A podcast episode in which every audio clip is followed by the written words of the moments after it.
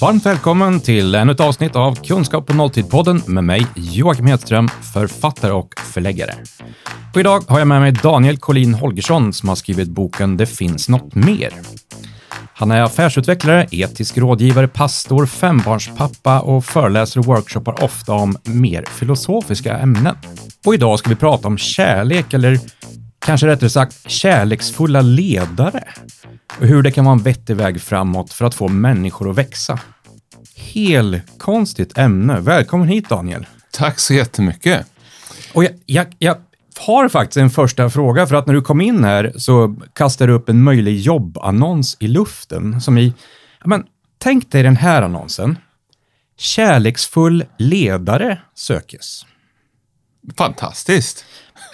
Kanske.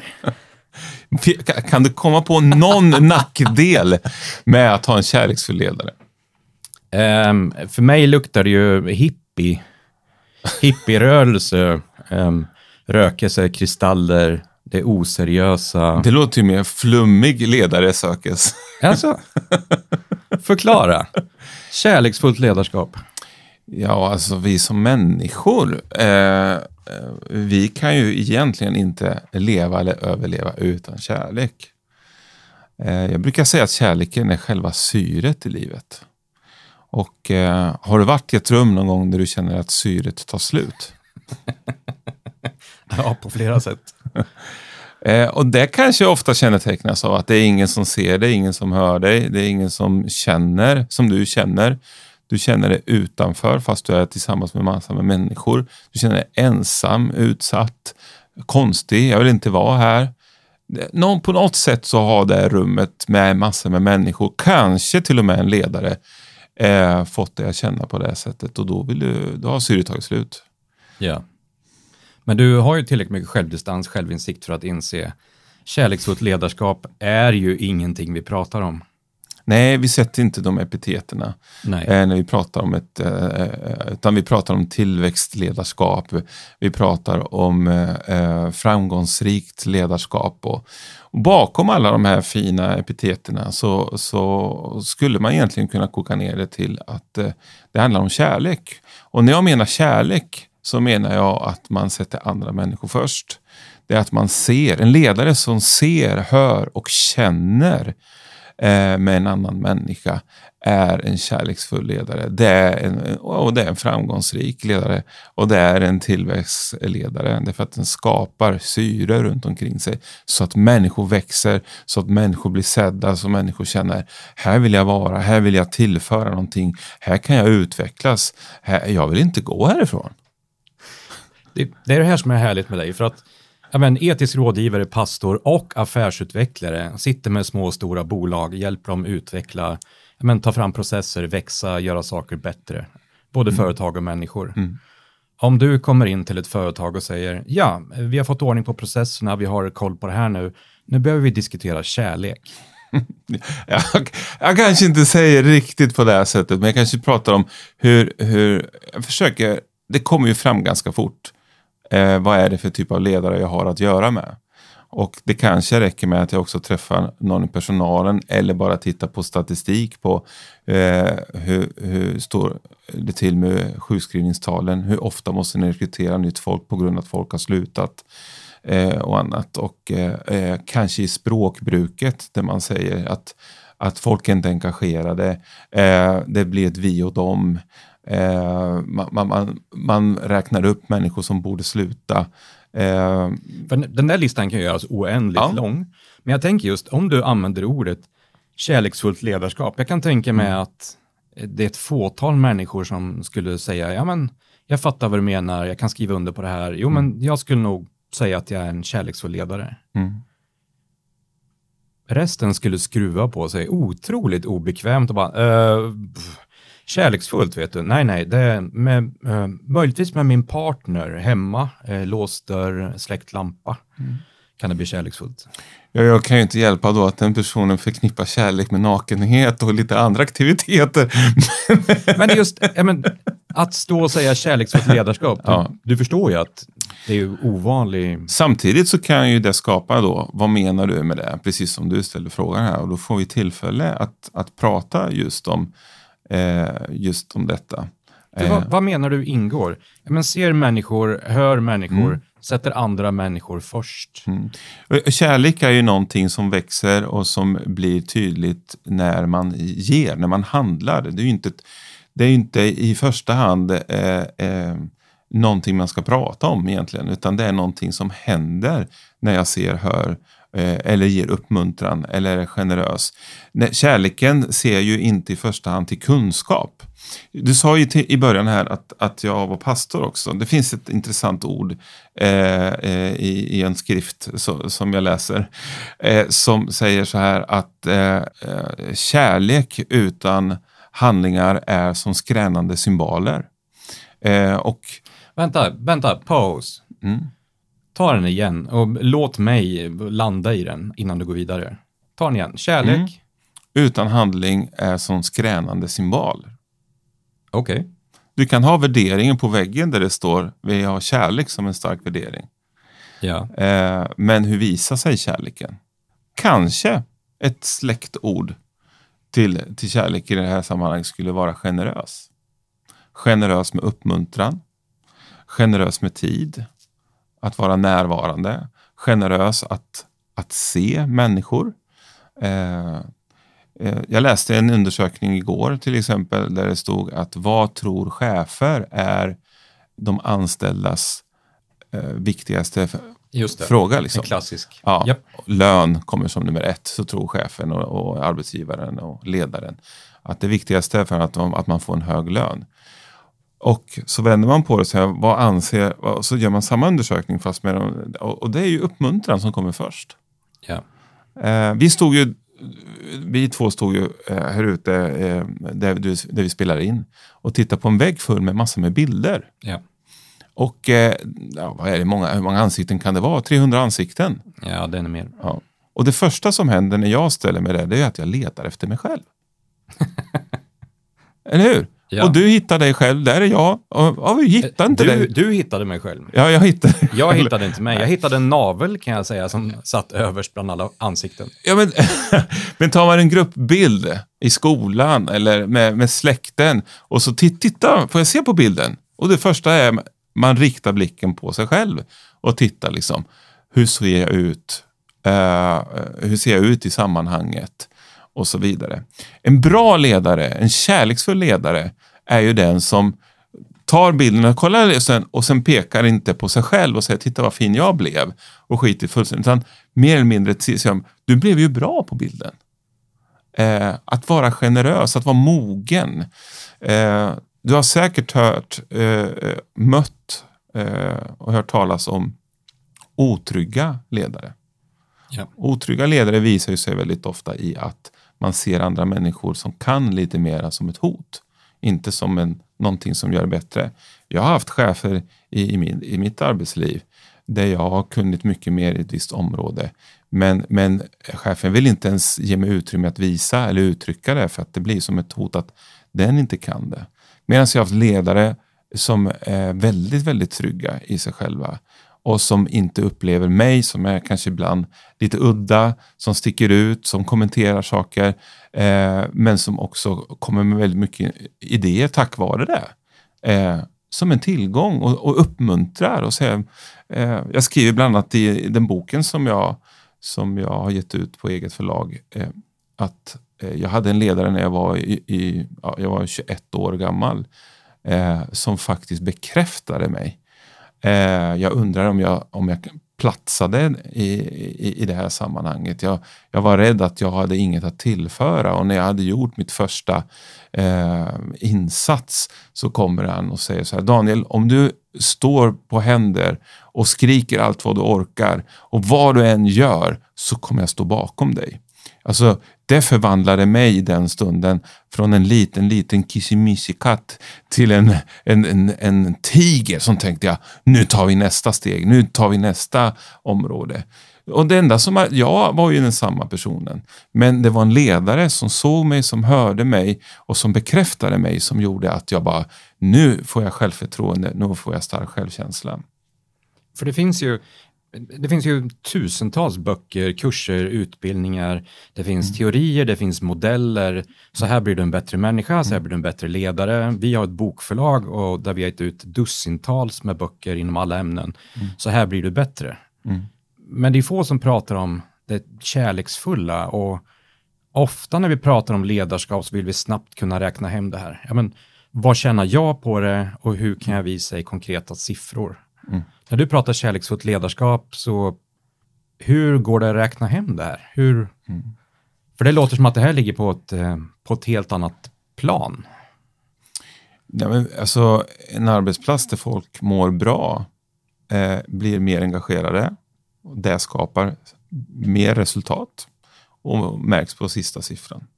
Och eh, enligt forskningen så är det ju även så att 70 procent av engagemanget på en arbetsplats vilar på ledarskapet. Eh, så om en ledare bara kunde förstå att om jag lägger tid... Om Vänta jag... nu, om, om ledarna... Shit. Om ledarna bara kunde förstå vad de skulle ja. göra så skulle världen vara mycket bättre. Gäller inte det här alltihop? Allt, jag kunde inte allt. sagt det bättre. Det är, det är så härligt, så här. Bara, bara, bara om du som lyssnar bara fixar till dig själv först och så fixar vi till resten sen och så blir det jättebra. Ja, men jag, det handlar ju om män, män, mänskliga relationer. Eh. Om jag får bara, jag kasta in från den här vinkeln. Ja. Om jag, Joakim, skulle vilja bli en mer kärleksfull ledare, Mm. För jag älskar, jag älskar uttrycket kärleksfull ledare. Mm. Det finns så mycket, men det är tillit, det är förtroende, mm. vi ska delegera, vi ska göra någonting så här. Det, uh, jag blir trött på alla modeller och när jag hör det kärleksfulla ledarskapet så känner jag, men hej, kolla här, det här låter lite som en soffa, en varm filt, en brasa, en kram, vi tar hand om varandra och så blir det schysst i slutändan. Mm. Vad finns det för saker jag kan göra för att bli en mer kärleksfull ledare? Planera hur du ska ge. Ge? Frågetecken. Ja. Jag trodde, du skulle säga, jag trodde du skulle säga feedback eller någonting. Du ja. måste göra det här, du måste göra 1, 2, 3, 4, 17. Ja. Planera hur du ska ge av dig själv till andra i din omgivning som du arbetar med. Hur ska du ge feedback? Du använder det ordet. Hur du ska ge tid, hur du ska ge uppskattning, hur du ska ge... Um, um, ja. Handlar det om att ge? Ja. Kärlek är att ge. Vi började där i, i, i samtalet. Någonstans. Det var ju flera minuter sedan. Ja, det är så länge sedan. Så jag kan inte förlita på mitt minne kring sådana Och ge är ju det enda, nej, det är ju det enda som växer eh, eh, ju, ju mer du ger. Ju mer du ger, ju mer får du. Kärleken är det enda som växer ju mer du öser av det. Men sparar du det för dig själv så kommer det ruttna och dö. Jag, jag, kan inte bli av med ett ord. Jag har onani i huvudet hela tiden. Så här, självkärlek, ja. bygga saker för sig Onani själv. leder ju inte till att vi förökar oss så att det blir mer. Jag, jag, vill inte liksom, jag vill inte någonstans ta bort onanin från världen. Kalas, bra mm. sak. Mm. Men jag, jag hör ju det ändå i huvudet. Mm. Ja, det finns väldigt många människor som gör saker för sig själva. Mm. Ja, men jag först, jag först. Jättebra beskrivelse. Och sen, det här handlar om att ge. Det känns, det känns rätt och så känns det bakvänt. Förstår du vad jag menar? Mm. Men att gå in och ge, vart tar jag vägen då? Ja, du kanske hittar dig själv då? Uh. Jag, jag, tror inte vi ska ha så många fler poddavsnitt med dig faktiskt. Det finns så många enklare författare att snacka med. Jag kanske hittar mig själv om jag ger. Ja, men alltså, eh, det finns ju ingenting som gör en människa mer eh, generös, vuxen, mogen än när man till exempel får ta ansvar för små barn. För då kan du inte sätta dig själv i centrum. Du måste sätta den andra i centrum. Du har stunder som förälder där du känner skit, jag orkar inte. Kan inte, någon, kan inte jag få bara en stund för mig själv? Kan inte någon se mig, höra mig och så vidare. Men i den stunden du får barn så börjar du gå in i en kärleksfullt ledarskap. Det är för att du börjar ge, du börjar sätta någon annan i centrum. Du börjar mogna faktiskt. Du kan vara... och mo, att, att, mo, mo, Fast, om jag bara bryter in så här, om du mognar då, mm. jag, jag klev in eh, halvvägs genom våra barns liv och blev mm. Eh, liksom bonusförälder. Mm. Jag fattar vad du menar. Det, mitt liv, eget liv, mitt egocentrerade jag mm. hamnade lite på paus. Det var så skönt mm. att slippa mig själv mm. i mitt liv. Men, och ja, jag skulle vilja påstå att jag har mognat där, men du vill ju någonstans dra jämförelsen, parallellen till ledare och anställda. Mm. Men där mognar du ju inte alls på samma mm. självklara sätt. Nej, men det kanske skapar en förståelse för, för vad en kärleksfull ledare är för någonting. Eh, vi pratade om otrygga ledare, vi pratade om, om, om framgångsrika ledare eh, och nu pratar vi då om mogna ledare eh, som ett uttryck på att vara en kärleksfull ledare. Eh, ta exemplet att eh, vi ska fika hemma och eh, mina yngsta barn, fem och nio nu, eh, ska ha saft. Jag häller upp saft och då händer det någonting ganska direkt. De ställer glasen bredvid varandra och jämför och säger så här. Jag fick inte lika mycket saft som du och så vidare. Eh, något som pågår många gånger ibland i en arbetsplats. Varför fick den det och inte jag det? Varför fick den eh, uppdraget fast jag har mer kompetent och så vidare.